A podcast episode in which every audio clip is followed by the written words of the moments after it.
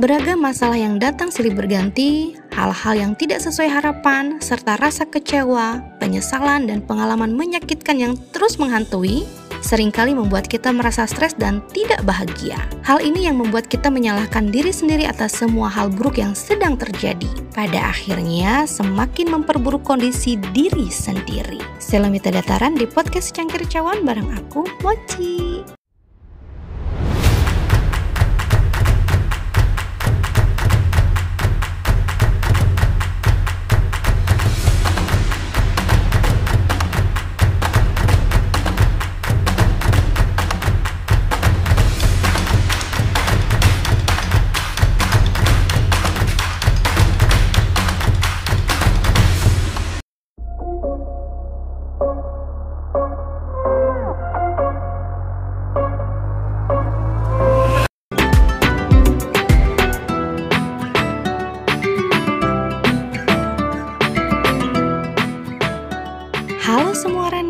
Sih kabaret? Semoga Anda dari semua Rana sehat dan bahagia. Kawanwa setuju nggak kalau berdamai dengan diri sendiri itu sangat penting? Pasti setuju dong ya? Kan damai itu indah, iya nggak? Apa sih laguna kawanwa tahu goreng caranya? Penasaran? Yuk kita bahas sama-sama.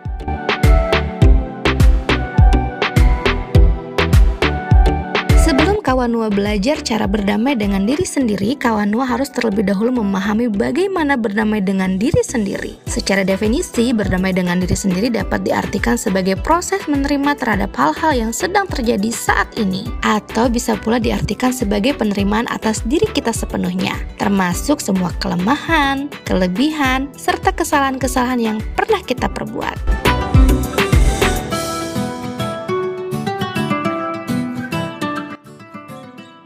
Jedong, apos, saya berdamai dengan diri sendiri itu penting. Karena kebanyakan dari kawan Nua terlalu fokus ngelihat kekurangan pada diri sendiri. Dan selalu mengingat banyak pengalaman masa lalu yang menyakitkan, entah itu tentang kegagalan, rasa kecewa, putus asa, dan hal-hal tidak menyenangkan lainnya yang pernah dialami.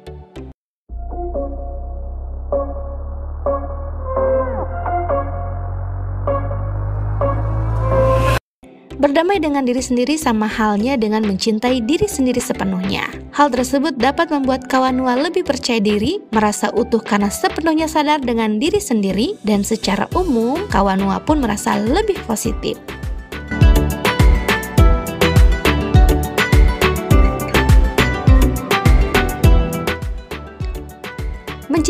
Sendiri adalah bagian dari menjaga kesehatan mental serta memelihara hubungan kawan nuat dengan orang lain. Jedong, mulai sekarang jangan ragu untuk belajar berdamai dan mencintai diri sendiri. Ingat, hal ini tidak hanya baik untuk kawan nuat sendiri, tapi juga untuk orang-orang di sekitar kawan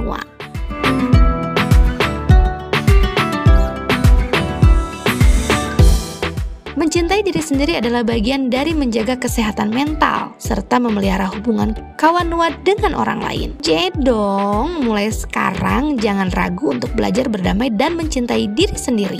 Ingat, hal ini tidak hanya baik untuk kawan nuat sendiri, tapi juga untuk orang-orang di sekitar kawan nuat.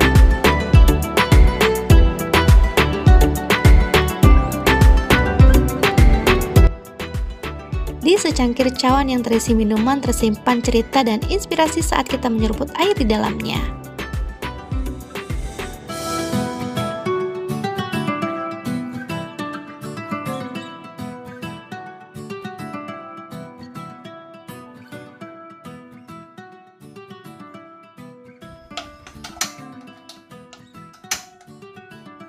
Perasaan ada yang lupa deh. Apa ya? Hmm, iya.